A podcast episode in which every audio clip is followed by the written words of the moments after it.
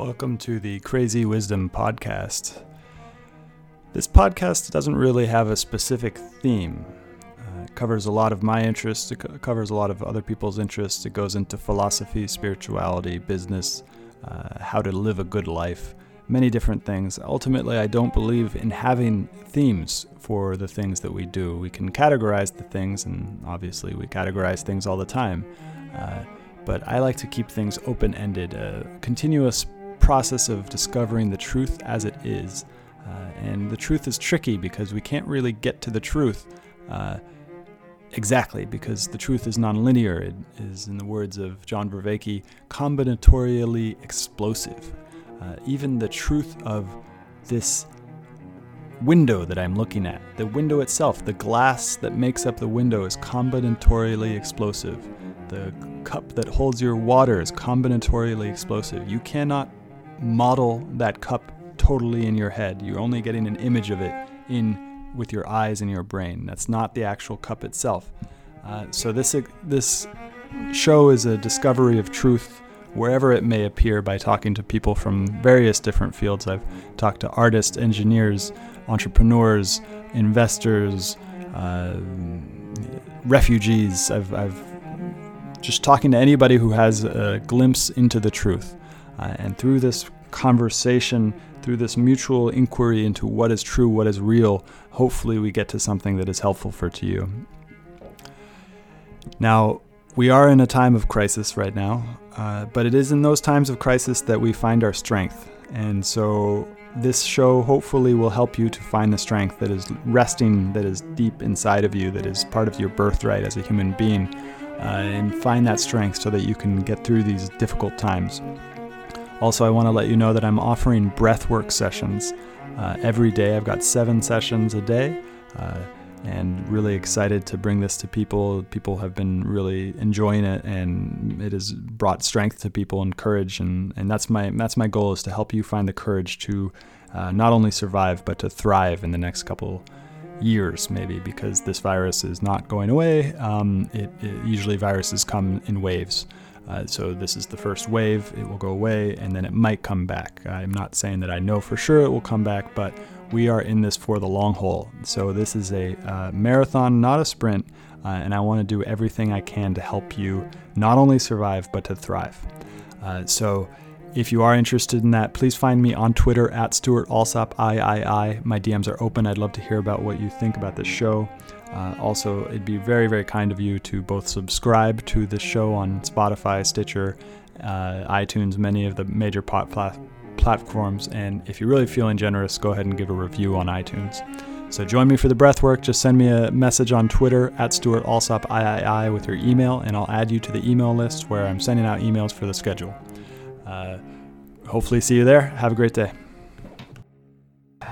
Welcome to the Crazy Wisdom Podcast. My guest is Stephen Morris, and we are in the car going to a dance event. Stephen just showed me how to link up a wireless microphone to my crazy complex Zoom recorder, and so we're testing it out. But also, we'll publish if it all goes according to plan. Stephen is a electrical engineer and high viber of craziness, uh, and uh, on Twitter he is Life Life Smith and Life Smith, right? Yes, it's mm. a play on words, the mythology and the crafting of life. Mm.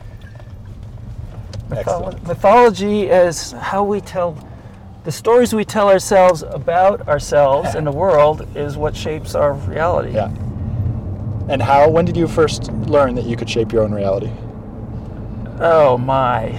Um, so, I actually interesting in college as a freshman, um, and by the time I got to college, I was clear that I didn't see the world the way um, everyone around me seemed to see it.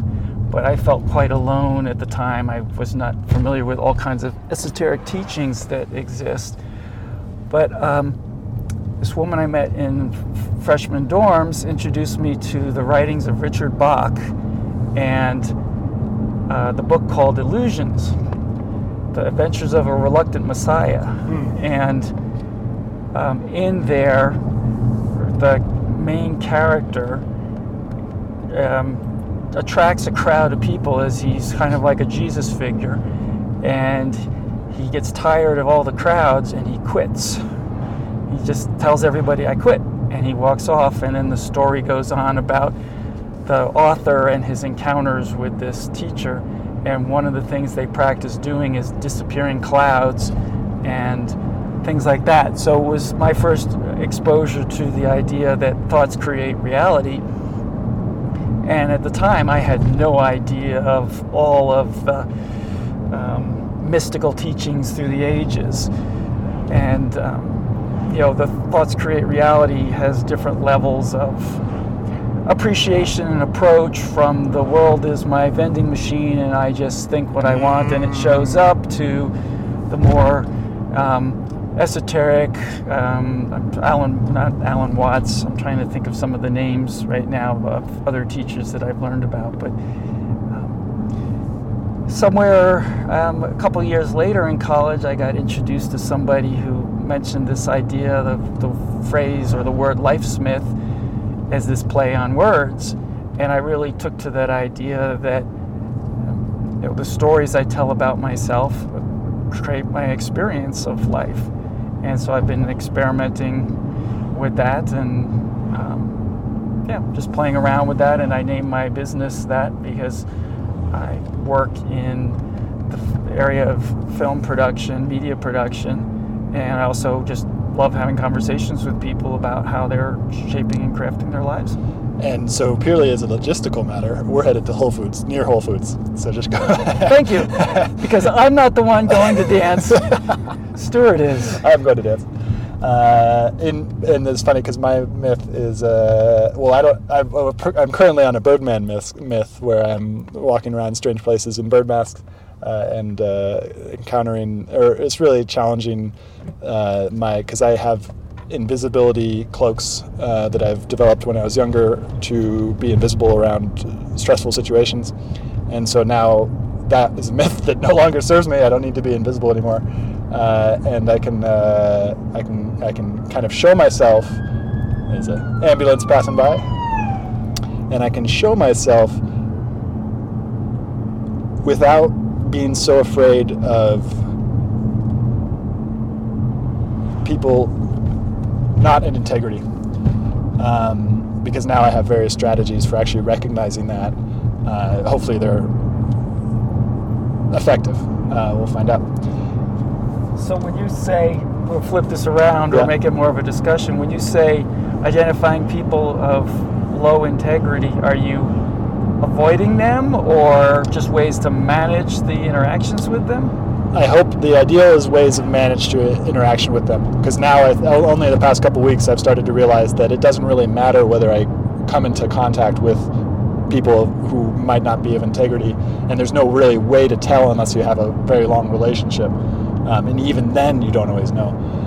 Uh, so so it is more about the managing and ma- making sure that I don't get into intimate relationships uh, with people who are not of integrity. And when I say intimate, I'm not only talking about romantic. I'm talking about business. I'm talking mm-hmm. about um, uh, long-term dance partners.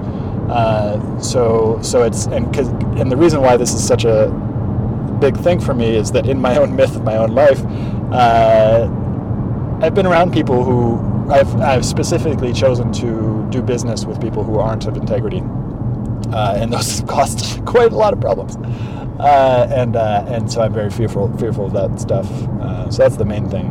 Yeah.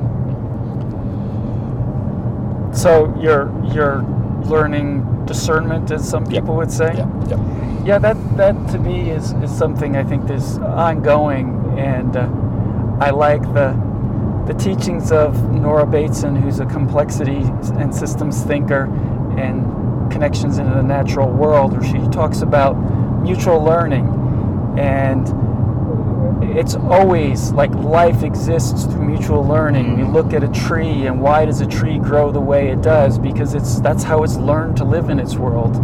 And we've all learned our methods of living in the world. Some would say coping. Um, you know, with whatever traumas we have, with the traumas shaped who we are and the stories that we tell. And some of that stuff I might be able to reshape, retell, and some of it is just always going to be there, and I'm going to have to work with that and grow around the next obstacle. So um, I find what you're talking about in terms of meeting meeting people and sensing it's like the only way my intuition gets tuned into whose integrity or not is by running into them. it's by running into them. It's the whole idea again. It sort of becomes a platitude or or just a saying about learning from mistakes. Yeah. And as I find, I really can embody learning from mistakes rather than um, judging myself for the mistakes in the past and being uh, really pissed at my past self. I'm, I'm exploring these days sort of the relationship of the me and the now to the past me and the future me. Mm. And the past me and the future me only exist in the stories Yep. and only exist as the story comes out of my mouth. So I, I'm like, this morning I was working on a video editing project a little bit before we met, and the project has taken longer than I planned. There were some things going on, and I had to revisit some stuff that I'd done in the past. And for the first time, I was really excited that the past me, instead of fucking things up for myself, had actually done a whole bunch of prep work Mm. that like I could really be grateful for that experience, and I'm finding that I can build on that versus um, normally being either ashamed of my past or being pissed off because I I didn't put things in the proper order when I put them away, and now I'm having to do extra work, and that's a part of again the story of like, well, I'm such a fuck up. Um, and then I've got the stories, the re- stories to tell about what is the proof that I'm so screwed up. So that part of crafting or smithing, like a blacksmith, a, a new experience in my life, is to at least notice the stories. I don't know that I, you know, how much effort into affirming new stories versus simply noticing that the story isn't true and doesn't have to have power over me. Um, and when it does, kind of laughing it off. What have you learned about from studying the nature of electronics about either people or nature? Oh, wow. It's been so long since I've actually really engaged with electronics. But you Uh, understand it. You you Yes. You're you're you're you are you just helped me solve the problem that we're currently testing out, which is like how to f- get good sound while in movement. Right. Um, and so you understand things that I don't understand about about the way these pieces of electronics fit together. Well, I think one of the things is when I try to support people, because I do more computer kind of support for friends and folks now. Keep going straight? Yep. Yep. Okay. No. No. Sorry. Keep Oh, keeping this this lane. lane. Yep. um, is because, and you understand this too, we both have this really fast connected thinking process. It's like I'm learning again, I'm referencing Nora's work because I'm, I've been Mm. spending a lot of time with it, but letting the complexity, like I can see all these things, and it's like, okay, do I need it now? No. Okay, can I kind of put it in the background, as people would say? Let myself even forget it, not like not try to remember it, but know that it's now available to me because I've been exposed, and not specifically having to remember it. Just know that it's in the kind of the energy field um, of my awareness. So um, I told you something about settings on your Zoom, and I said, "Oh, you could do this, but don't th- don't try to remember it or think about it now. Just sort of know that it's there." Because I uh, we were talking about mono and stereo, and I have no Oh, idea. uh, I had no idea what you're talking about. I still don't quite get it. And it's funny because I've run into that same period or same experience of just basically being totally lost and then getting angry at myself because I don't understand it. And then, but what you're talking about, which has shown up in my life a lot in the last couple months, is just like, doesn't matter whether you understand it. like some part of you might have understood the important parts of it, uh, and just can you just focus on that feeling? Because it, it goes into the future story, past story, getting angry at those, and those how those affect the, our interpretation of the current moment. Yeah, and highly and- complex. And what what I found At the light. at the light. Okay, what I what I found um, in my in my process of actually learning electronics as a child was I read lots of electronics magazines, and I was willing to not understand what I was reading. Yeah. And, and not spend too much time trying to figure it out. I felt for the flavor of it was the way to say it. And again, I just kind of I didn't have any specific reason to apply it. I just knew like I, I really was interested in it. So I read things for the interest more than the understanding. And then it would come around again and it'd be another little deeper understanding. And then it would come around again. And by the time I went off to college and actually got the formal classes in electronics, while the other students were kind of like, ah, not grokking it, freaking out, struggling with it, I it made sense finally. Sometimes it could be a, a couple years later where oh those pieces all click together, and I find that that sort of approach has actually been a part of my life with lots of things. We'll do a U-turn. And then and then um, you know and then I would because brought up with well one brain that thinks a lot, but two a world that puts so much emphasis Yes. on mind and brain is Yeah. is I wouldn't trust that process. I wouldn't let it fall into the background or be, um,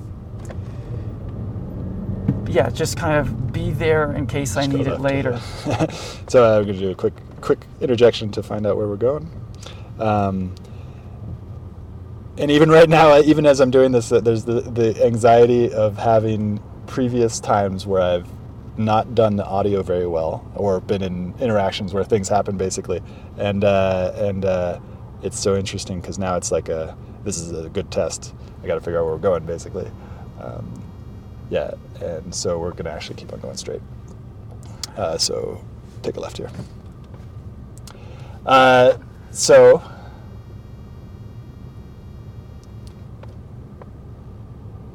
what do you think about spaced mep- spaced repetition memorization? Do you do it? No, not Yeah. recently. Ah, I, that was interesting. Uh, well, uh, let's see.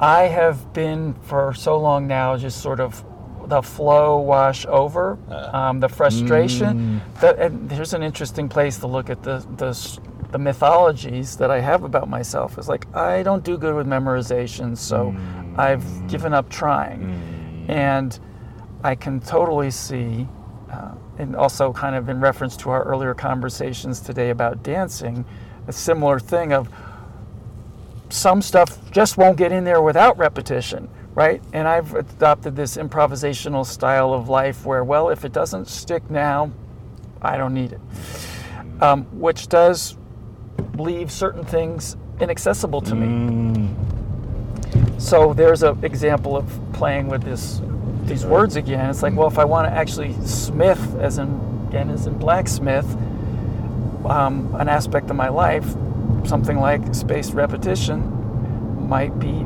valuable to do. Interesting. Um, so it's interesting. In part of the the ongoing learning process is oh Take a U-turn. that might be um, you know a useful thing for me to kind of consider practicing now, Mm-hmm. even though I've been avoiding it for so long. And I've been waiting. So Duolingo is the first actual application that does it in a smooth way, but it's specific to learning languages. Ah, I've Um, had I I've deleted that app because I never used it. Interesting. Well, that's the problem uh, for most most apps in general, is that it has to fit both of our both our personal intention and also the way that the the appli application does it, and also the need. So, like for you now, you're thinking going to Colombia. Now would be a perfect time to re-download that app, app, app to get into Spanish. Yep. Uh, uh, and so Duolingo is the first one that has actually done a very very good job. We'll actually go right. And so Duolingo is the first one that's done a really good job and I'm waiting for a spaced repetition memorization software that is as usable and as user friendly as Duolingo is, and as gamified as it is, but that is applicable to all sources of knowledge. Um, all I, I should be because the I've, I figured it out. We're gonna go straight here. Um, I figured it out for the what are those things that do, like you were saying, for the things that it is applicable for, and it's things that are highly technical. The the vocabulary of the of it. Uh, this one here, but you can go around too. Um, so, what are the highly technical vocab? Um, uh, like, what is the the the languages? And so, I first encountered this first in languages, um, but then in biomechanics, in terms of anatomy, because there's so many complex terminologies and stuff like that. So, it's really the languages that are that are the key part for for spaced repetition memorization. Okay, so um, I'm trying to think. Well, blockchain. There's so many term new terms in that, so you could use it for something like that. Interesting, yeah. Yep. And I really want a software. And so if anybody's listening to this, let me know if there's one you like or build it. Because um, uh, it's, it's such a complex problem because Duolingo is so specific to languages. But then how do you bridge that out to any concept, any language? I wonder if they started with abstractions and narrowed it down, or whether they. What do you mean by abstraction? So, I've lived a very abstract, broad ideas that can be then uh. funneled down or narrowed down, like applying additional layers of specificity. So, I'm talking about like looking at, at wisdom. It's like I, mm. I've been. I've looked at a top level at lots of different wisdom teachings and looked for the common thread. And to me, that common thread is, in, in essence, the, the abstraction behind the teachings. You know, like what is what is love? Well, everybody has a way of expressing love because love is an abstract concept for humans. We can con- have a concrete expression, but the more I look at love, the more abstract it gets. right? And then I start to try to define it, and put it into words, and it loses its eternal nature. Yeah. And it's now the feeling I have when I see my parents. Mm. If if parents invoke love, my parents didn't evoke love in that sense necessarily. Um, for me, love was more of a romantic thing that was inspired by women that I had some sort of chemistry with, which creates its own mess. Um, and then there's uh, the Greeks had many words for love because they had different ways to take that abstraction and experience and express it.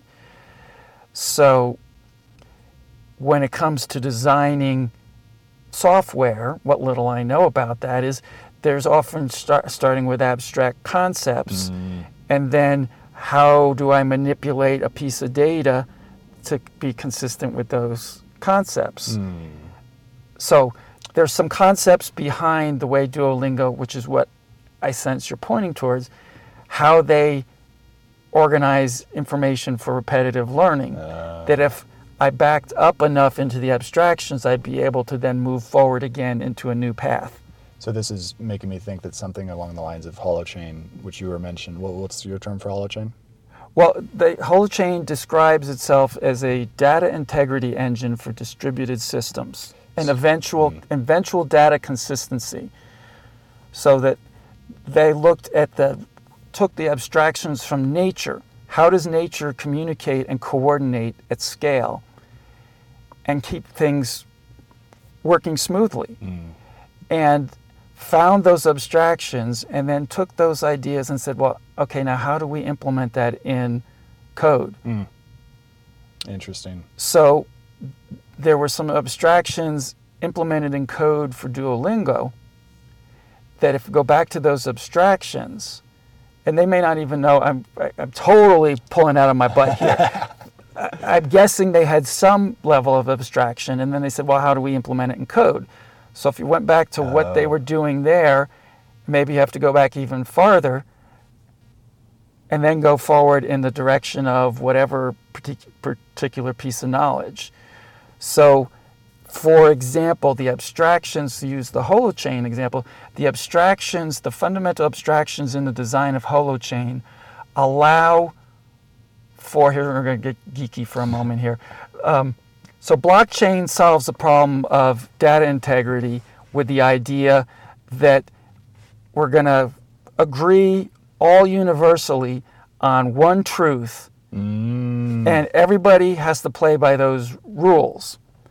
And one of the things that is kind, it, it has its place, but one of the things that's kind of silly is if you and I were to exchange cash right now, Yeah. you and I would exchange cash, and nobody has to pr- approve it. We both agreed that the piece of paper I'm calling a dollar is worth a dollar. Yep. Right? We're playing that game. If you really didn't trust me, you would check to make sure the bill's le- legitimate. But otherwise, transactions done. Well, Holochain allows data exchange and their their currency design. They don't they don't have a universal blockchain, a global consensus. So if you and I were using a an exchange app on Holochain, only those of us who are participating in that app need to make sure that you and I agreed that we did a valid transaction. Yep. And we both have all of our information available to the next person to make sure that I played by the rules and you played by the rules. And then the next and then each person just checks that they played by the rules. Mm-hmm. So the abstraction is local agreement versus universal. Interesting. And that allows a whole different set of un- inconceivable at the moment ways of playing with the technology because the abstraction is back far enough that each person can develop their own specific application of that. But people trying to deal with money on blockchain have to go to tokenization. They can't do it any other way Oh, because the the abstraction is very specific in its implementation. Whereas Holochain just allows for accounting. I had something, I gave it to you. Which is the which for, uh, so you mentioned blockchain and you mentioned holochain. Holochain is not on a blockchain. That's accurate. No, Hol- Holochain um, uses distributed hash tables for um, data maintained by the user, first and foremost. And the process makes sure that the data is in integrity with the rules with which it was created. Mm. If you try to break the rules, the data breaks, the validation breaks. But I walk around with my chain of data, and if I try to alter it, it the the hash indicates that it's corrupted. And so when you look at me, and and there's whole other layers of complexity. But basically, if I present to you my data, you can look at it and you can see that it's valid or not. According based- to the to the hash. according to the hash principle, Yeah. the, the data's been verified, but you also have the rules. It's like I'm walking around with here's my data, here's the rules, they're linked together with the crypto, and you check my rules against the rules you have for playing whatever the game is we're playing together, Twitter messages. I just presented you a message of 400 characters, but we're only allowed to play with Yep. 280. Yep. And you go, And all those rules and the hash things are designed by their local groups, basically. Right. Yeah. That's the part that's like each each software creates its own set of rules for security. So there's more flexibility. It's not necessarily. I'm not going to go there because I'm about to talk out of what I what I know. Uh. But what my understanding is, it doesn't rely on a universal rigidity. It's customizable to the needs because the penalty for breaking the tweet, the number of characters in a tweet, might be you just get a, a one demerit, and after ten, then you're suspended for a little while. Interesting. But the penalty for fraudulently trying to transfer you ten thousand dollars might be kicked out of the network completely. Ah, interesting. Interesting. But that gets determined by the person writing that particular piece of code. It's In- not in that in that group, on- right? yeah. In that group, that's not a rule imposed by the holochain. Yep. Whereas in blockchain, I don't have an ex- exact, but but you're, it's kind of all or nothing, and everybody has to create tokens in order to do any kind of exchange. Interesting. And I think there's a place for both of them. Yes. Uh, and and what you said about the blockchain and the ledger, the shared truth, the really interesting innovation from my perspective on Bitcoin is that it allows for both parties to come to agreement about the nature of an exchange. Well, both parties don't even need to do it because, as you're saying, it's that the protocol level. The protocol has been designed for that shared accurate value and it's written into an immutable ledger, which can't be changed. Uh, well, it will continuously be changed, but that block Right. it, it can't be changed. Uh, and then every and so far Bitcoin has been secure in its exchange of value um, uh, to many different people, with that with being safe, except for the risks involved with the this new type of platform, which are that you lose your keys, you lose all the stuff, and you lose a bunch of money, uh, and that is a very very real risk, and everybody gets burned. Like I've gotten burned, everybody gets burned. Uh, uh, it, just depends on how hard you get burned, uh, and uh, so and so you got the holochain, and you got and I want I want to zoom back to the the space memorization um, software stuff. Sure. Zoom, background. Okay.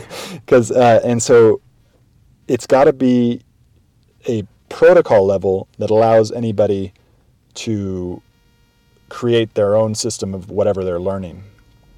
Um, tied to a the and this is an individual base because I it is such a niche topic and the only people who know about it are programmers uh, or random people like me, and uh, and then uh, and so um, I want to do that. I want to I want to build it, but it just got a lot clearer about what it is, and I think I've I want to start with the um, anatomy people. Uh, because in medical school, and there's one particular anatomy thing called Ken, KenHub, which uses a principle of this, but they're very specific to anatomy. Um, the my key problem now is how to how to either way, I hope somebody else does it, like how to how to how to uh, create a individual uh, something that is like the the I use I use Mnemosyne every day, and Mnemosyne is an open source software, but it's really bad and it doesn't work for mobile. Um, and so I need a replacement For, for the memorization. for the memorization. Yeah, It, Mhm. is that sort of like a flashcard software? Cause It is a that's, flashcard Okay, because that's what I think of when I talk about abstractions. It's like, okay, Mm. flashcards is an abstraction. Is an abstraction. It's like you could put anything on your flashcards and use that system, Maybe it's right? just flashcards. Maybe just use well, flashcards. but that's the place to start, right? Is Yeah. like, can I do that? Is can I do that with flashcards? Yeah. Am I trying to over-engineer it? Our Yeah. techno fetishism has us doing things more complicated. But the other thing is, flashcards could be the prototype. It's like, well, if I had a flashcard with, you know, the the gamification you talked about, it's like, how do I reward myself? oh well okay now i've got to add a star and, and at some point the, the automation can help with the repetitive stuff mm. right? That's where mm. or the linking of if a then b. Mm. Um, but that's kind of interesting. Now when i re- return to duolingo for spanish i'll kind of get a different way of looking at it and wonder you've planted a seed now i wonder what else could i learn using this methodology It is. It's crazy. It is. It is. It is. I, I think it's the first example, and I think about this all the time with Duolingo. Is that it's the first example of a relationship that I enjoy with my technology because I, I don't enjoy the Facebook. I do not enjoy my relationship with Facebook. I think it's like a it's a taking. It's a, they're taking something from me. Uh, same thing with Twitter, but Twitter is less capable. so, so they just so uh, so they just uh, that's why I enjoy Twitter. It's, it's the same thing with the U.S. government, basically. Uh, the the federal government, I believe, is very very capable for certain things, but they're um, they're prevented so far, and this is actually a huge problem still. They're pre- the federal government is prevented from interfering with both individuals and states on some levels. They're able to do it in other ways, um, and so the the the federal government is also somewhat incompetent. Thank God they're incompetent for tech- technical things. I mean, some parts of the U.S. government is very competent in technical things, but some, like for example, if I think that the U.S. government will fail, at, and I do think that they're going to try, I think they will fail uh, in their ability to force people to use a central bank digital currency. Do you have any thoughts on central bank digital currencies? Oh, well, we're going all over the map here. um, well, I I like being able to just transact with people without anyone knowing what's going Yeah. on, and I don't think about how much they know when I use PayPal and all those other Yeah, things. yeah. But the uh, whole idea of, well, my currency, at least PayPal, I only have to worry about at some point. Do they think I've done something fraudulent and they're going to? Or um, if you are a political dissident. Well, okay, there's so, but that's still different than. Um, I, am just trying to think of. Well, you know, I didn't get my sixth booster, and therefore I can't spend money anymore. You know, that meme yes. is going around yeah. Twitter. It's like, oh, if they can turn off and restrict on a per transaction basis, or I'm Oh. I'm bought more more corn chips than I'm allotted this week, so it won't work. Um, you know, that's. I'm not interested in the surveillance state. I'm personally am at an age where Mm. uh, I don't. The complexity that technology creates um, is just becoming in, insane. I got to drive recently. I've had two opportunities to drive new model vehicles. My car is 15 years old and was the beginning of built-in GPS and hmm. multi-level menus and a, a dashboard control, and that was just enough for me. The new cars, every car I Oh, get in, the controls are all different, right? Now maybe I'm I'm 60. I grew up watching all of this stuff happen. I grew up in hmm. electronics and learning this stuff as I go. I got comfortable with poking around menus trying to figure things out. But I watch people who get overwhelmed because they can't understand it all at once. And I, I, got, I felt overwhelmed driving my friend's Bronco. It's like, oh my God, there's so many buttons. The steering wheel has more buttons than the entire vehicle in a 60s Ford Mustang had, just on the steering wheel. Um, I don't know how how brains are going to be able to handle that. And, and I think I think some brains will and some brains won't. And those who want to go go live on a farm in Colombia should be allowed to do that and not stopped by a current digital currency because the government like let the dissidents go somewhere else. Let them leave. Well, if that- want that's the cool thing about the federalism is that that's going to happen uh, in certain states. I think. if if it, I- I think that would be great if that actually breaks down that way. And those who think of the future as being collapsed, that's a, I think there is a high probability that the the federal government will be ungovernable, unable to function, and the states and the locals will take over more control because Which is already written into the Constitution.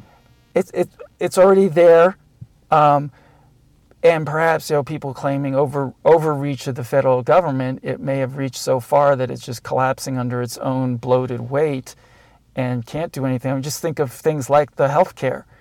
I mean, other than the imposed fines from the IRS, it's like it, if people's health care doesn't work, they could join other networks. There are small um, mutual aid societies and things that are out there.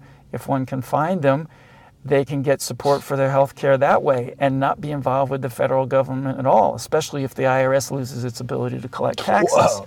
Which is so interesting because they, that's all, oh, that's why there's the push for the CBDC. Because people in the government recognize that. And then they they see this great opportunity apparent to them, but you just poked a hole in it, which is, which is really interesting for me. Um, and I can't remember it now, but uh, that's why they want the CBDC so they can so they can extend that power. And then I do see that there's going to be a large percentage of people who just do what they're told. So there's probably going to be about 70 to 80 percent of the population.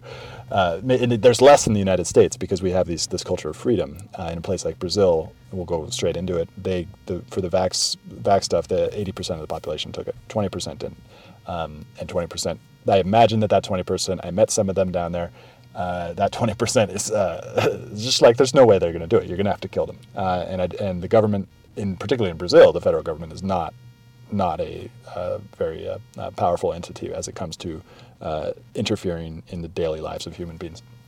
Um, but they're saved by their their inefficiency, which is now a thing that we're going to have to experience in the United States. It seems that the for that certain part of the population, 60 to 70, 40 percent, whatever. Um, they're going to be stuck in, in a, a wage slavery situation. Yeah, and Yep. the C- CBDCs, central bank, yeah, CBDCs. Yep. We're sitting in front of a CBD shop, so I'm like getting all these initials in my face.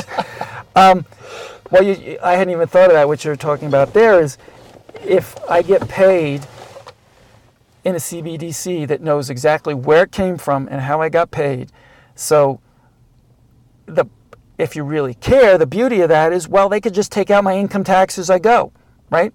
Right off the top, rather than a whole it's withholdings and convenience. Yeah, yeah, calculate. yeah. It's like they can just calculate on the fly. Oh yeah, you know, and and they could adjust it. Like, oh, you've already overpaid based on X, Y, and Z. So there's I just don't believe, for the most part, it'll happen because Hmm. I think the the technology has hit diminishing returns.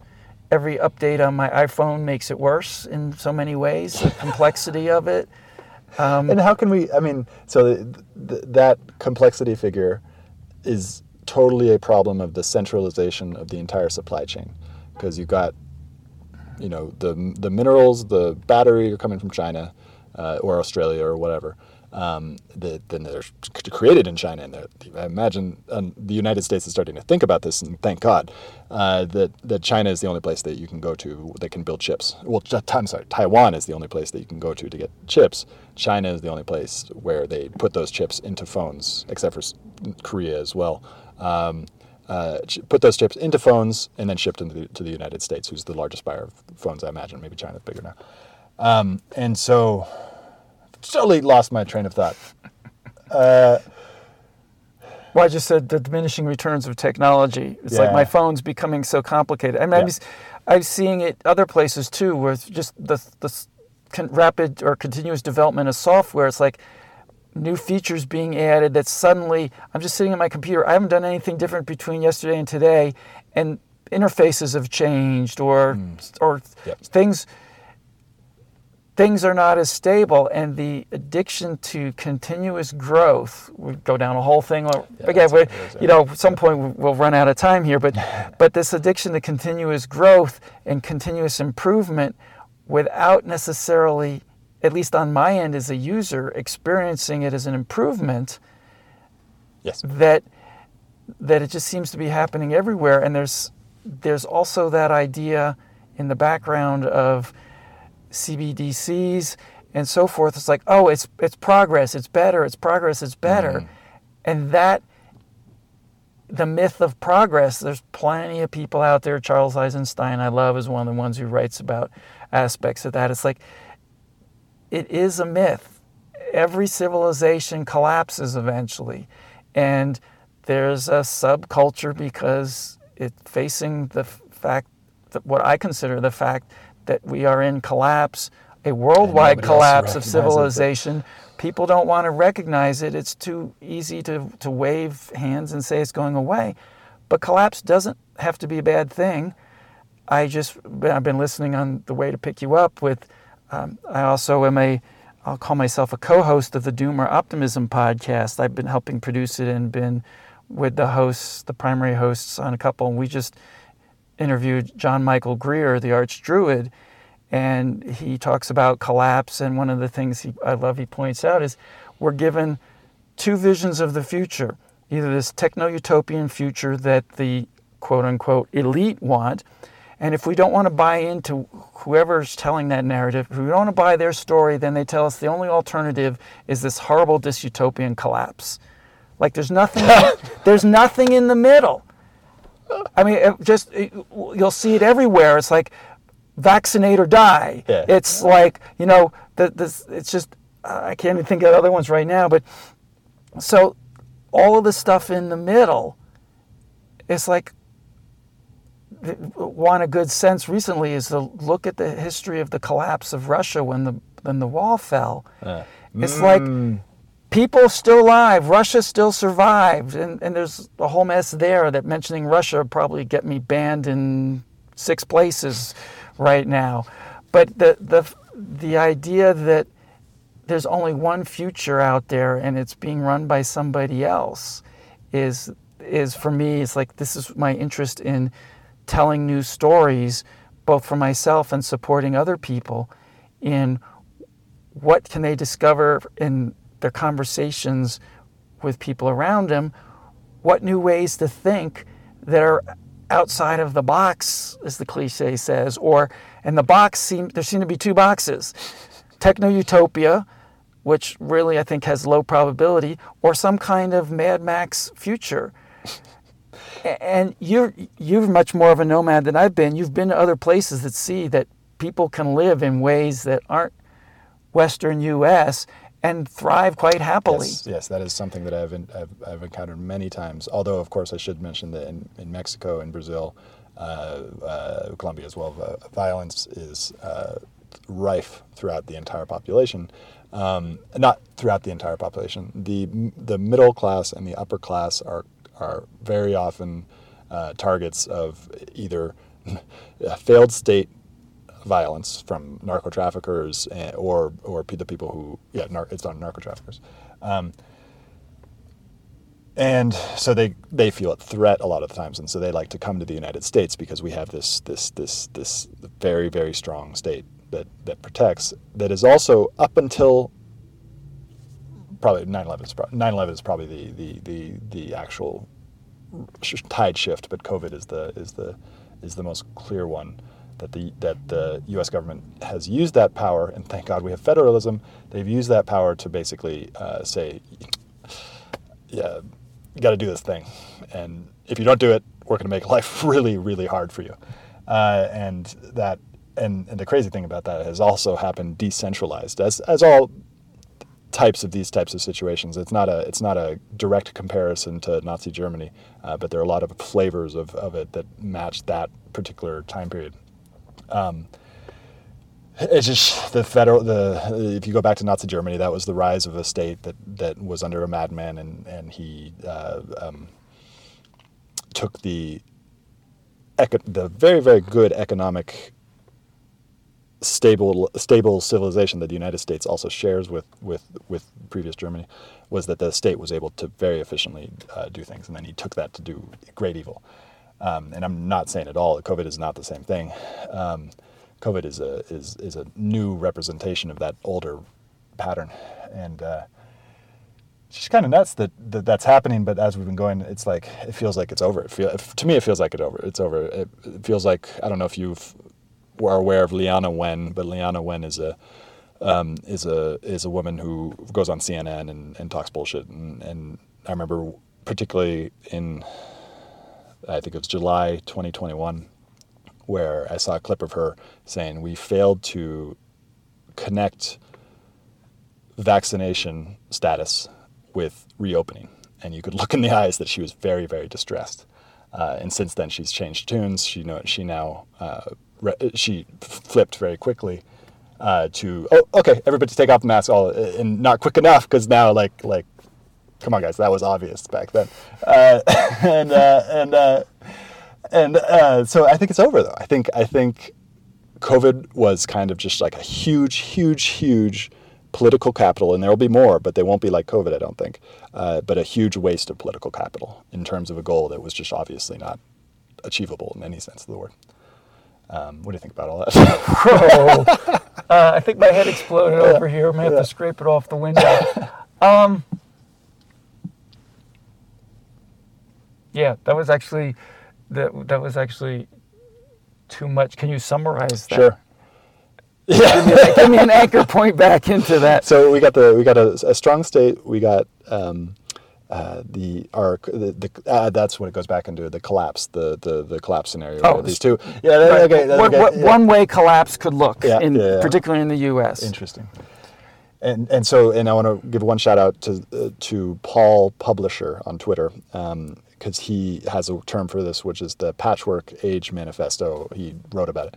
Um, I didn't actually read the manifesto yet, but I follow him on Twitter, and he talks about patchwork age, where we've got these two dualistic uh, examples of where we're headed, and then there's this whole messy middle that is just totally doesn't have any myth for it.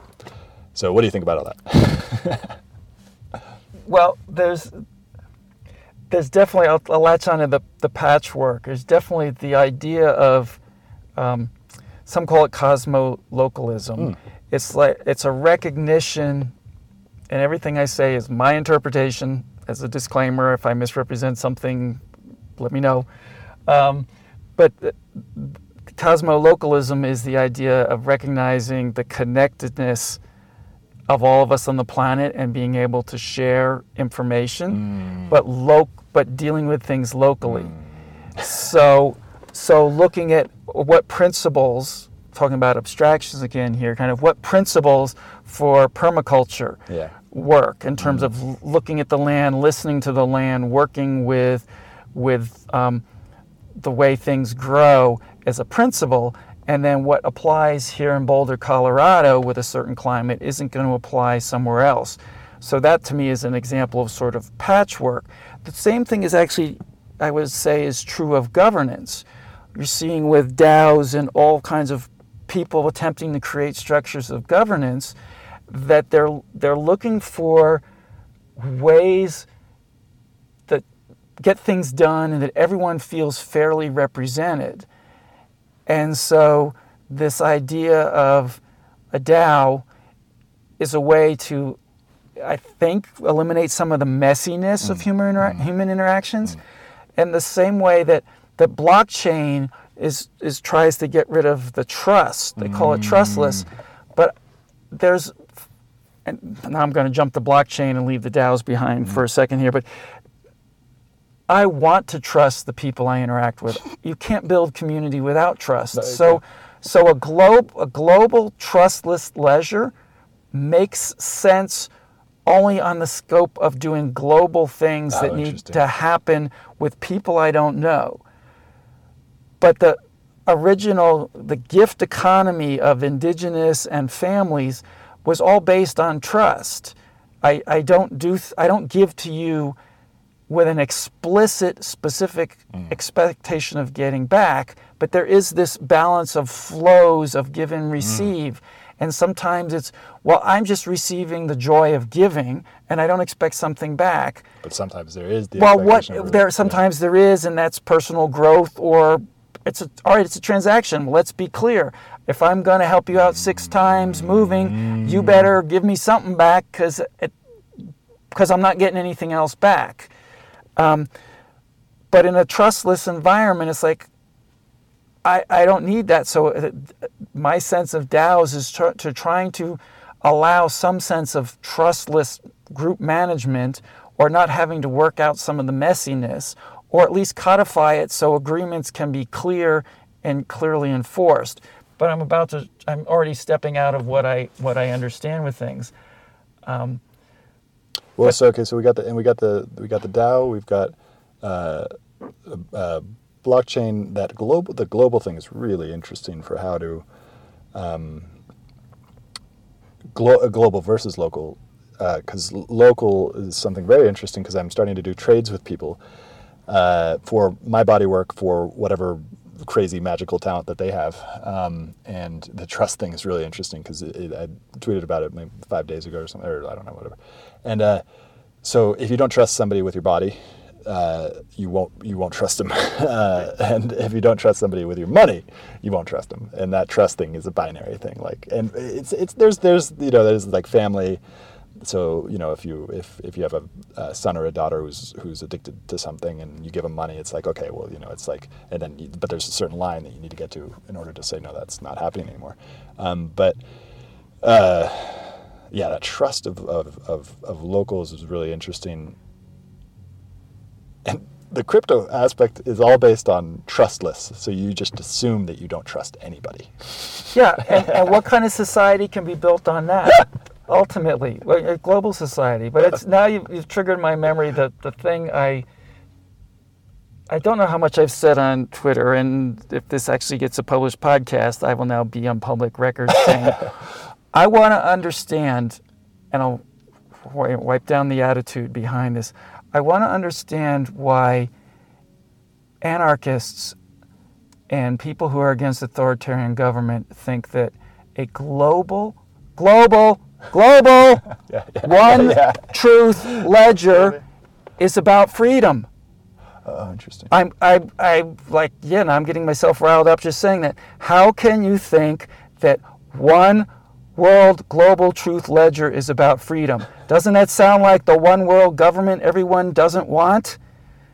So this is my holochain soapbox. Interesting. Holochain allows communities come together, create their own rules for interacting, and make sure those rules are supported and enforced.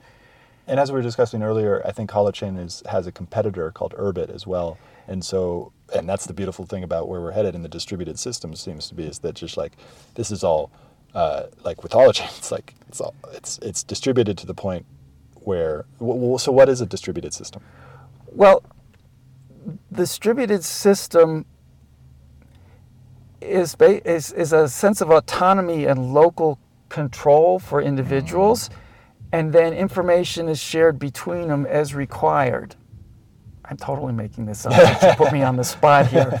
Um, again, disclaimer. You know, this. I'm not re- spouting any scientific um, truth, Truth. here, but um, so w- here's here's a way to look at it. The model of the human body for the longest time was the brain was the central authority telling all the other parts what to do. So that's kind of like a blockchain. Um, or, or things communicated with the brain, and the brain, you know, processed it and sent it back. And over time, biologists started to learn that the, our bodies are entirely distributed systems. The Not entirely, but very, well, very, very distributed. e- Yeah. essentially a Yeah. distributed system. Yeah. I mean, you can find Mm, okay, certain. got it. You can Yeah. look at this. You can hold in a reductionist viewpoint. You can configure different sort of things, but in the complexity world, there's there's so much going on in the body. I mean, there's I've heard Mm. that there's more non-human cells that make up this thing moving around that I call Stephen, from the bacteria in my gut to the things living on my skin. That it's like, who's actually in charge here? what's doing the thinking. Um, I've got one sense of awareness that for some reason gets localized in my brain and my eyes, but there's stuff going on at other places. So my body is a distributed system. I just got to the fact that it's a meme as well, or it's a meme. It's a, part of that distribution is is into the group. Um, So so you know the idea of any any distributed and there's the there are you you can find the the memes or the icons there's centralized decentralized and distributed so blockchain isn't distributed it's just decentralized interesting. because there's not autonomy. Everything has to pass through the chain. If you and I, now I don't know Urbit well enough, but there's Urbit, Threefold, and Holochain, which Okay, are so all di- threefold is another one. Threefold is another one. The little bit I've looked at them, they're still, well, Threefold is still using blockchain in the background and they're looking at other layers and things like that to make it more distributed, but I think it's still more um, decentralized. And Urbit, I, I don't know what's going on. I don't know. I don't hear much about what practical things are being done. I mean, there's there's collaborative document editing in prototype on holochain there's publish, blog publishing on holochain there's messaging apps there's project management there's um, someone just did a um, zoom like distributed app with holochain is the data back end on it And have you used that one yet? no, I just saw a demo. I just Yeah. saw links to a demo, and I would I could just spend all my time looking at these different holochain demos. So I'm I blog or not blog. I tweet about in support of holochain. So I see those, and most of the time I just kind of skim them enough to make sure I'm not promoting some Yeah. Some shitcoin yeah, meme connected to it or something. one of the best parts about crypto, the, and I mean this in the uh, cosmic joke ty- type of best things, uh, is the meme coins and all the bullshitting and all the all the Ponzi schemes because there are most definitely Ponzi schemes. And now I love the fact that, and again, it's in the cosmic irony type of situation, but the that Google is now getting in on the game in terms of advertisements because now the, at first they're like, okay, we're not doing any Ponzi schemes because of the U.S. That must mean that they've gotten some sort of yes from the U.S. government Huh. to do it. Because it was it was a strong there was a str- Google and Facebook in 2018 I think it was uh, that really was and, and we got about 10 minutes left I'd say probably It's yeah. two o'clock. yeah do you have to go I don't have to go, but Yeah. when oh, is your Oh, thing is 2:30. two thirty. yeah, okay. yeah. so the crypto thing the meme thing uh, is as you said you don't want to uh, tell other people to go invest in this Ponzi scheme because that's how Ponzi schemes operate. Uh, and uh, and and so this is why the Bitcoiners are interesting. I, the Bitcoin maxis, particularly, and for anybody who's not into crypto, Bitcoin max maxi means uh, somebody who is a uh, uh, like the one true believer of God. It's basically like there is this one God, and that God is the is the only God, and I'm going to fight you for it. Bi- Bitcoin is the only way. Everything else is a shitcoin. Yeah, yeah, yeah. It's Bitcoin or shitcoin. That's just Yeah. the duality Yeah, yeah. there. And so I understand a lot of what they say because Bitcoin is the safest one. It's the one that's had the most transactions. Um, and then, of course, they go to the Ethereum. And I think I just talked to an Ethereum maxi on Saturday who was trying to pill me on the uh, on the on the Ethereum. Uh, and uh, and uh, and he's got a lot of good points, and I don't know what the fuck's going on. Uh, and uh, and that's part of the, the discernment too is like choosing which ones uh, and being try. And so one I'm currently currently investigating is uh, called Luna, and Luna is. Uh, um, uh, and uh, not financial advice. This is just purely uh, what we're trying to figure out the truth together. Observation. Yeah, It's just an observation. Yeah. Uh, Luna is a. They've got a stable coin. They recognize that the stable coin is the key uh, aspect to a layer one, uh, the virtual computer, which Ethereum, Avalanche, uh, Binance Coin did one as well, um, and then uh, Solana.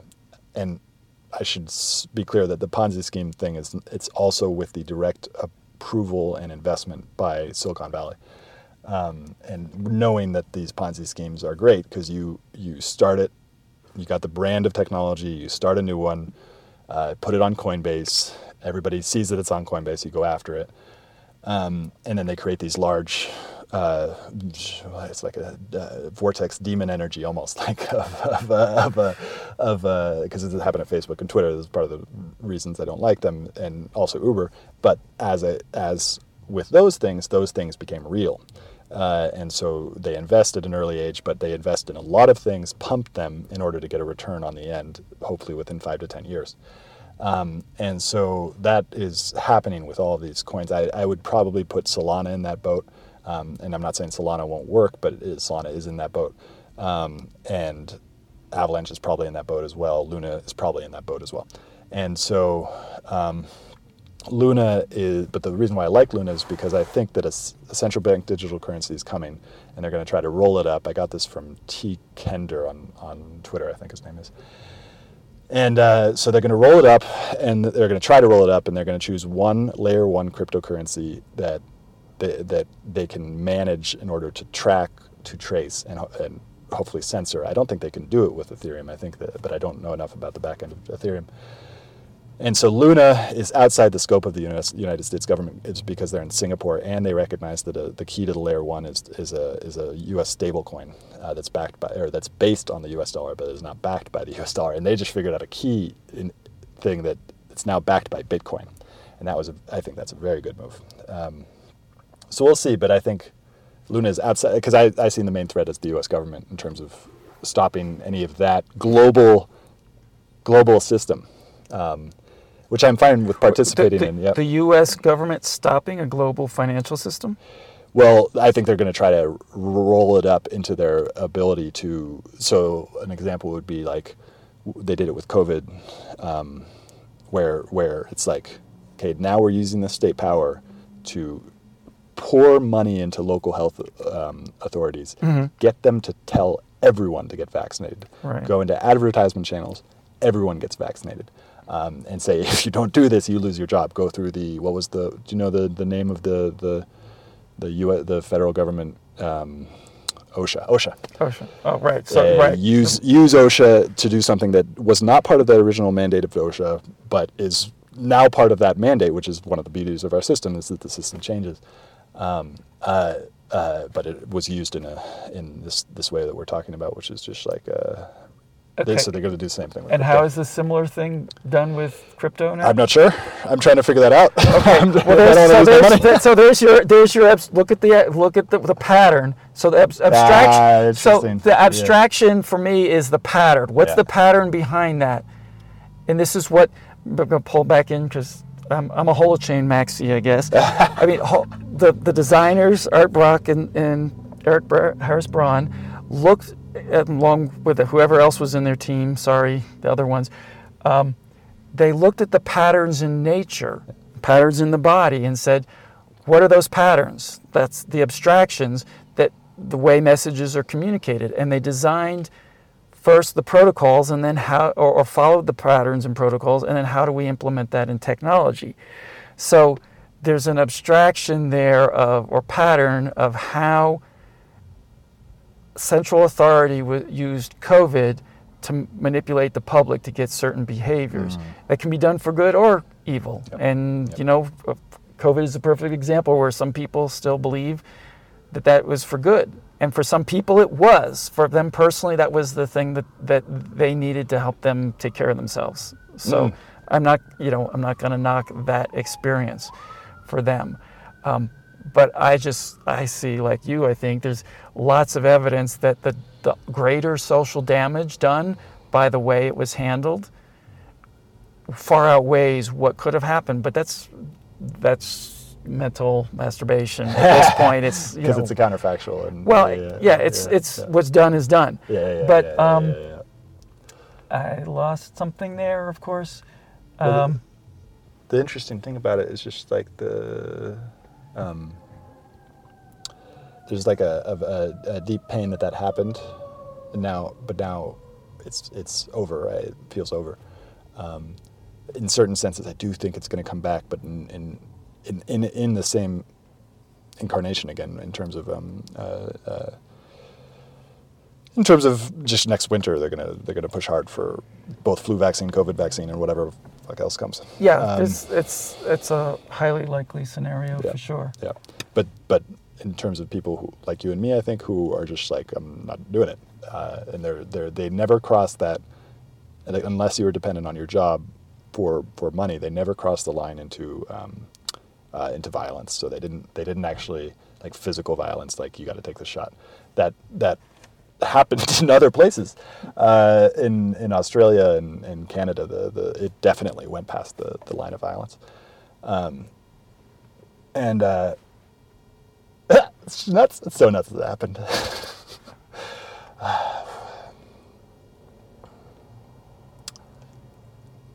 There was one other thought, and I've lost it. That tied a bunch of I thought tied a bunch of things together, but I think I'm just going to kind of. Mm, might come up again. It might come up again in the conversation, or the clock might run out. So. and I think yeah, now we're at probably about 15 more minutes. Let's check my battery. Um, so we got central bank digital currencies. We got uh, we could talk about dancing.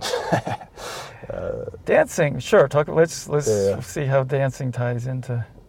Well, it's it's clear connection with the the distributed system body idea because dancing, particularly partner dancing, is a way to uh, get all of the bullshit out of the way because there's no talking involved.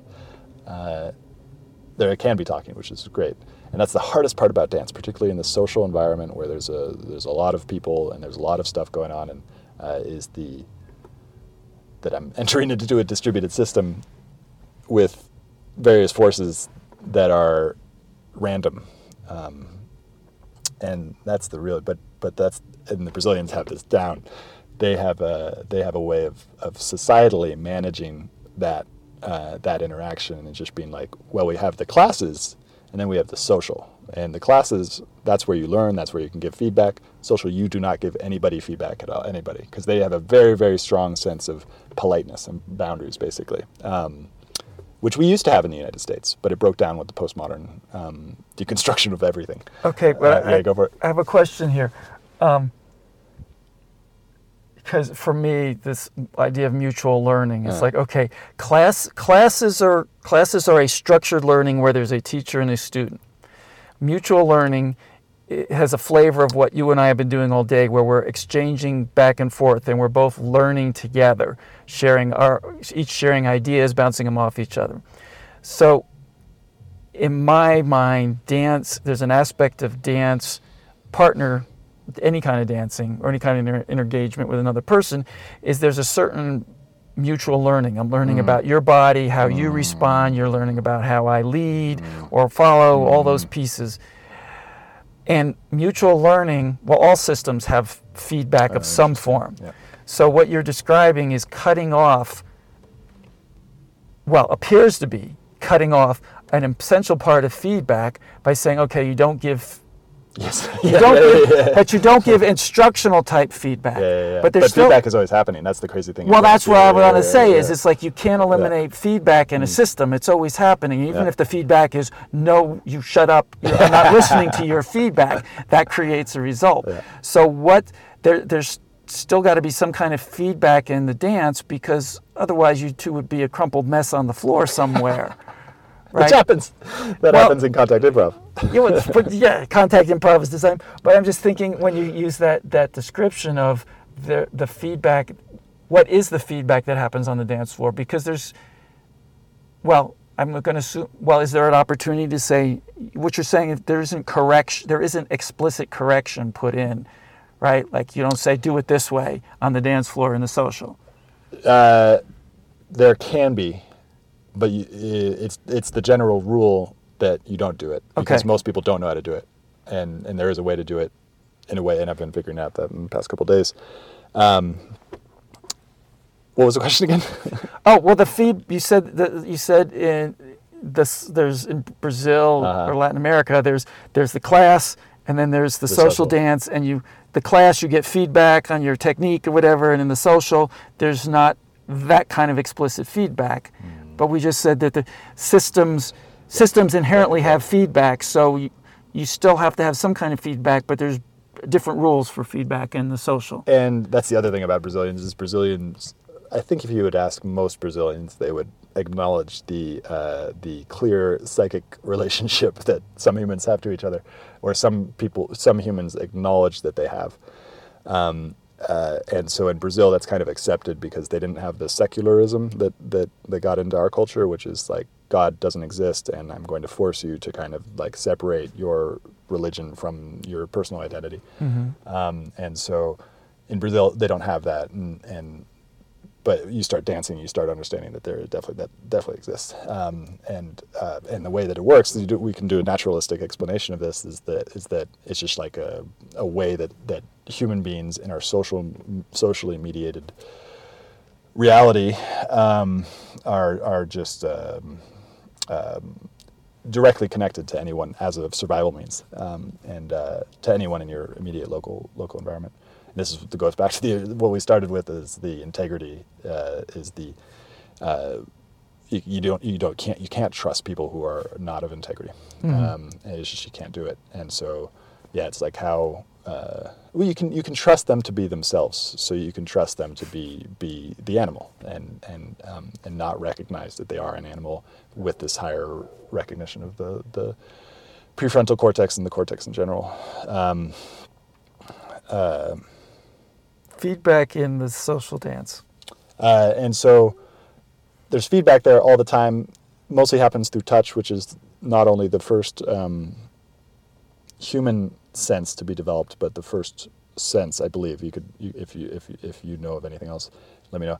The, uh, there's a, like uh, the the if you go to the microbe level uh, and the the first amoebas and stuff like that, the way that they were able to navigate their environment was through touch, um, and that's the start of the nervous system. I got all this from the book called Job's Body, um, and uh, it's a body worker from manual, very philosophical with neuroscience, um, and uh, it's touch, and so that's the way that we learn a lot of lessons, and dance goes right into that, um, and interacting with another's nervous system and not overloading them, 'Cause- which is a common thing that happens, because a, a, a better dancer can give a lot more than a follower, or that a beginning follower can receive.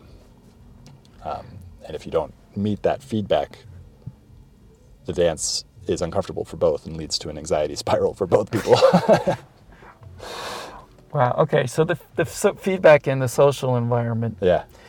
is through the touch, and the learning comes from whatever degree the partners are matched in their ability to to, to, to well to, with Yeah. the uh-huh. music, but to each other. To each other, yes, Like yes, it's like yes, it, the more Yeah. embodied, the more in tune you are with your body, the more likely. I mean, I know I can I can feel a partner's body Yeah. In any sense. The more I'm in tune Mm. and present with my body. Which is so crazy because women have a much better understanding of that energy. I, I believe. I don't know. I don't know. Or maybe a more trained one. What do you think about that? Yeah, yeah. I well, I think that fits in kind of the pattern and stereotype of men more in their head, women more more in their bodies. Although the complexity of the social overlays and stuff. I mean, women have had to be more in their heads, and may may or may not forget to be in their bodies. And men are doing you know all the men's work stuff of getting men in their bodies, and Ah, women are getting reconnected to their the goddess and their bodies. So it's you know that's where it's always going to be unique and the abstractions can be useful or the uh, concepts and archetypes and all those Uh. pieces are useful until they're not when they don't work it might be time to set them down and Yeah. Either pick up another one or, or, or not at all Yeah. and i remember i go for it. remembered the thing i wanted to say from before Yeah. but it's back to the blockchain Yeah, and go for stuff okay completely bouncing off the walls here um because you were talking about the the currencies and stuff the the thing one of the things that i like about holochain and and people find hard to get is because holochain is not a blockchain and doesn't have miners and a central ledger it also doesn't have its own currency mm, mm. so people who are hearing this and either look up or are familiar with Holochain, but not completely, right now there is a Ethereum token called HOT that was used to because Holochain didn't exist. It was created to raise money to mm, develop Oh, the the protocols and the software and everything. So HOT is actually a coupon for an asset-backed mutual current cryptocurrency called HoloFuel, which is specifically designed to buy hosting services. And Mm, I- so we're- a file we're- coin model, but baked into the baked in into its essence, but the account, the, the structure of the currencies on Holochain are mutual credit systems. Some people might be familiar with that in terms of credit clearinghouses. Um, time banks are a form of that, where I get a credit for something and your credit goes into the negative. If if we all started at zero, it's you know exchanging IOUs. I do a favor for you, and then you owe me a favor, or you owe you you now owe um, credits to somebody else. So the balance, the the there's the balance is zero across the network hmm. because every positive is offset by a negative. There's no minting of something from nothing. Oh, interesting. So the the interesting thing at this point is accounting is not illegal. It's going to be very difficult to forbid accounting like in the government or in the, in the anywhere in the world. So so Holochain mutual credit is an accounting system. Oh, because There- of positive and negative. It's positive. balances. It's balances on a Yeah, ledger. There's yeah, no yeah, virtual yeah, coin or yeah. token. You can't say that that's counterfeit money. That's very interesting. So, so that so that money is related to these three parts that are like the the negative, positive, and wipeout from those uh, thing washout. How, how is the how is the currency backed by that? Well, the, the current so in a mutual credit system, Uh-huh. essentially, it's backed by a promise to pay of Oh. either goods or services. Interesting. So Oh, interesting. I, I got to think this through uh, correctly if I'm going to give an example, but if I go into the negative paying you for your massage services, uh-huh. I've essentially promised I'm going to pay that back through something. And in a network that we've set I up, could use this. we've set up the system. Yeah. I I'm go, I will pay back into the system using time dollars. That's Got the one. I'm most Yeah, familiar. yeah, with. yeah. I'm going to give if it's an hour for an hour. I got an hour massage from you. I now owe an hour into the system. Mm-hmm. An hour of yard Your- work, an hour of whatever whatever. But it's backed by my ability to provide services. Yeah. So in in Holochain, it's backed by the hosting power of a transitional network that's being set up Hmm. to provide hosting services for Holochain apps. Got it. Because because Holochain needs to, needs a way of putting data somewhere. Yes, Yep. and, and without going into all of the background of that, basically you can either s- all Holochain apps host their own data and all the users share the data amongst themselves, so there's no central server. But in order to help people transition to that world, there are holoports that allow people to provide those decentralized hosting services for those who don't want to run it on their own computers. Mm, got it. Got it. The grandma very example is Yep. usually there. Grandma doesn't. Yep. Grandma just wants to log on and send social media messages like she d- did with Facebook. Mm. So she doesn't install anything on her computer. She can go to one of these holochain servers. But because it's a distributed server network, you can't take it down because you take down one machine and there's others out there, right? So it's not it's not like and if power goes out in one area, there's somewhere else. So that's the what backs up holofuel Uh, and the abstractions or the patterns that make holofuel are built into holochains so that anybody can create their own mutual credit currency for anything. and that ties into the group, so the local group. So the so that oh that I could actually use that. So uh, I've got this community of hippies who are all into crypto, uh, and uh, and so I and I'm starting to do trades with people, and that is there's that there's that. Um, the one thing I love about doing trades is that there's a it is a transaction, but it's a transaction between friends. Uh, so it's like it's it's like we're we're in this giving receiving like we know that giving and receiving are the same thing basically. I, I trust that the other person to do the same thing, uh, to think that same way, and to, and so and that, it's a great way of testing that too, um, because if if if somebody is not of integrity, the key the key thing that I've learned about people who aren't in integrity is that when you confront them with the truth, they get angry. Uh, to the point Yep. where they can't let it go. They can't let go, they, and the conversation stops.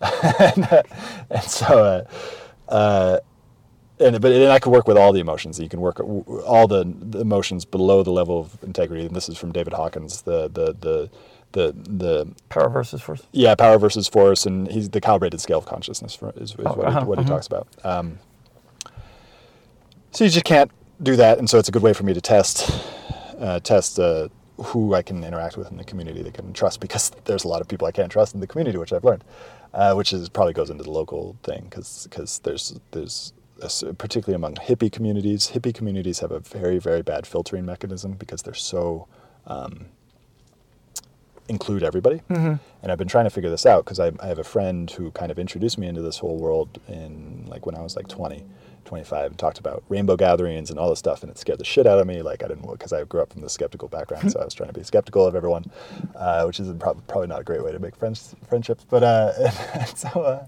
and uh, and so he introduced it to me, and then um, why like why what is it about hippies and and this isn't only American hippies. This is like where that came from, which is which is India, which to this day exists, which is what is called an Aghori, uh, an ascetic, a wandering ascetic who, who just wanders around. And what it's turned into in modern India is that it's a um, uh, a like the massive poverty. Everybody just becomes a, Aghori.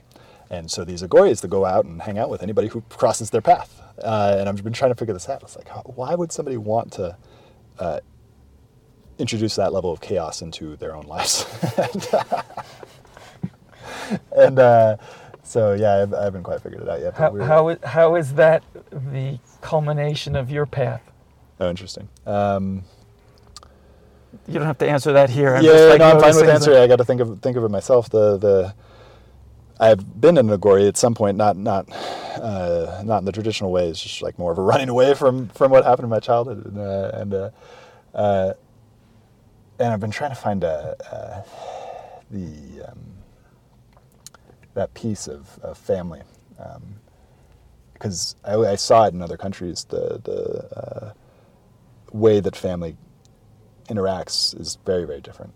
And this only is in uh, developing countries. You can't find it in developed countries. Uh, you can find it. You, you can find it but but it's a lot harder because it's this whole transition from modernity to post-modernity to meta-modernity and the, the post-modernity is just like a deconstruction of everything including the family because it's a patriarchal structure and and uh, and so uh, just like threw everything out and this probably wasn't a good idea to throw everything out and uh, and now we're in meta modernity, which I think is leads back to this patchwork age manifesto, um, where it's just like there's going to be a lot of different stuff, and you got to find out what works for you.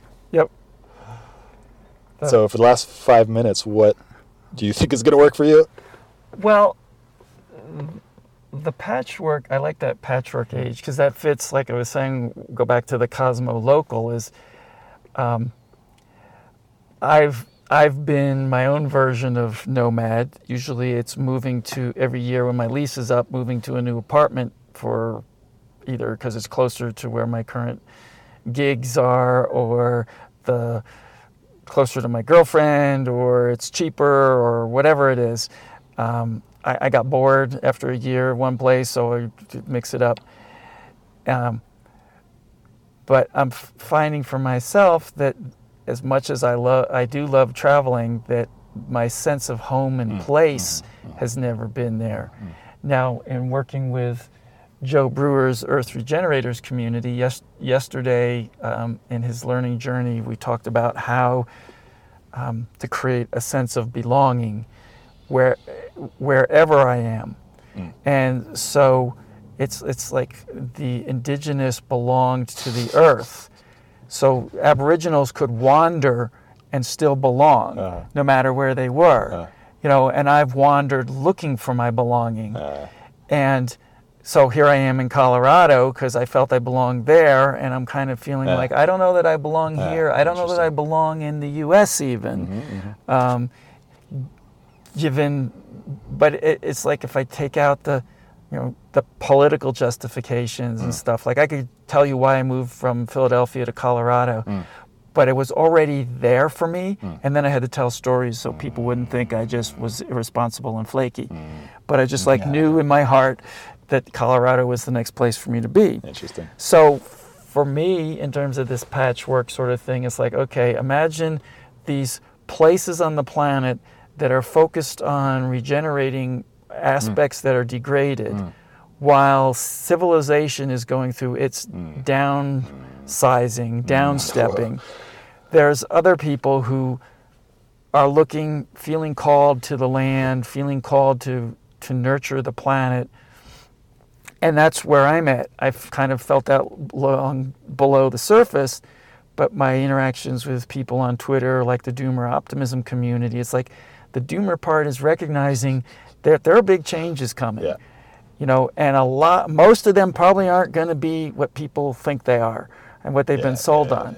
And the optimism part is recognizing that that humans have thrived in many different ways in the past, and using some of those methods and those ways from the past are not necessarily a bad thing. It's not a luddite to want to pump your own water.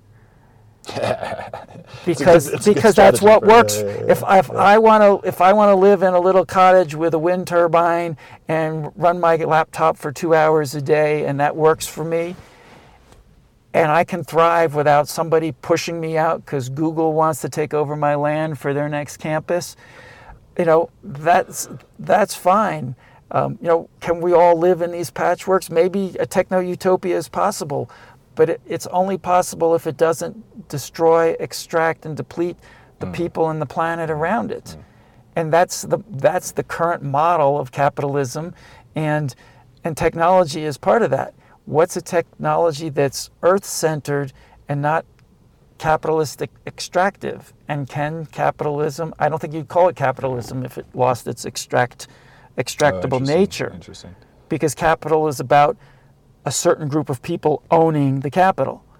Right? Here's another place of binary socialism or capitalism. No, how about whatever works ism? if we got to put an ism on it, right? So this patchwork again, it's all breaking down. The, com- the complexity is the imaginal cells that people like to use yeah. the, the, in the, between the caterpillar and the butterfly like it's all breaking down in various ways at different levels and what will come back is lots of little patches uh. um, where people find their way together to work together. Some of it might be in virtual worlds as long as we continue to have power in the internet, and some of it will be in physical worlds. And my idea is that there's there's both. I'm not anti-technology. I'm just finding that as I've aged, I'm no longer interested in technology. Like I said, getting in the car where I need a manual mm. to start my car and turn on the radio, that's that's just crazy. And maybe the younger generations who learn electronics just like I could program my father's watch for him, Yeah. like that, Yeah. because I knew it, Yeah. and he was used to a dial and and winding it. Um, maybe kids can get in the car, and even though the buttons are configured different in every model, they can identify them. Um, and it's funny even to hear myself say kids, uh, you know, to recognize that I've been around as long as I have. So my sense is finding my own place, you know, telling new stories, smithing my own life, and then supporting others in some version of doing the same thing. Um, but no longer to the degree that I sacrifice myself in order to support other people. It's like finding mine and recognizing that I can find mine while I support others to find theirs. Yeah, that's a key part I'm learning too. Well, thank you so much for coming on the show. Uh, is, uh, how can people find you? So the way to find me now is on Twitter. I'm at Lifesmyth, L-I-F-E-S-M-Y-T-H. Life's Mythology was the way to think of it. Uh, I tweet a lot about Holochain, H-O-L-O-C-H-A-I-N-E. So if you just search on hashtag Holochain um, and look for some of the tweets, you'll find me there. Cool. Um, any last thing you want to share? No, this has been really cool, Stewart. I appreciate meeting a, a Twitter mutual in real life Yeah. and getting to know you a little bit. And thanks for the opportunity to, to chat. Cool. Ah, okay. Yeah. Hope you enjoyed this episode. I'll be publishing episodes every Monday, Wednesday, and Friday in the morning. If you did enjoy this episode, please find us on iTunes, Spotify, Stitcher, many of the major podcasting platforms, and go ahead and give us a review. And also subscribe. And as always, I'm on Twitter at Stewart Alsop III. Come join the conversation as we aim towards the truth. And the funny thing about truth is that you can't really put it into words because every time you put the truth into words, create a linear narrative out of something that is non-linear. The truth is non-linear. It's not. It's. It's. If you really recognize the truth right now, your mind wouldn't know what to do. It'd be overwhelmed by beauty, and pain, or it's. It's something that is beyond our linguistic capability to represent. But that doesn't mean that the language isn't helpful. Language can point us in the direct right direction, but it's it's not it's not the truth itself. And so come join this collective inquiry into the truth. Find me on Twitter at Stewart Alsop III. Uh, subscribe to the podcast. Share the podcast with your friends. Uh, most people don't have the ability to let go of this linguistic understanding of the way that the world works and just aim for the truth regardless of what the language tells us. Uh, and so I think what I'm doing with this this show is is necessary for us because as we enter this stage of uncertainty uh, and we are most definitely entering an age of uncertainty. And as we do, it's really, really important that we stop paying attention to what the mind is telling us all the time. Doesn't mean to say that the mind doesn't have its place. The mind obviously has its place, but it's just one of the senses. It's just one of the tools that we can use. We can use the mind, we can use the feelings, we can use our actual senses. Uh, we can check our intuition with other people because sometimes the intuition tells us the wrong thing as well. Sometimes the intuition is wrong. So it, we can't we can't rely on any one tool to get us there. So come join the show. Find us on iTunes. Find us on Twitter at Stewart Alsop III. Uh, and come join the, this inquiry for truth.